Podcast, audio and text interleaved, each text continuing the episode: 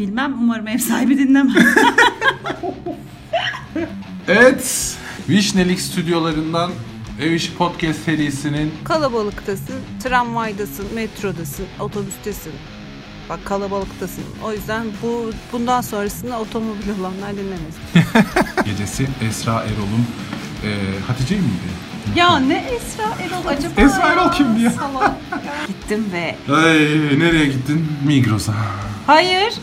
Pendik Belediyesi sosyal tesislerine.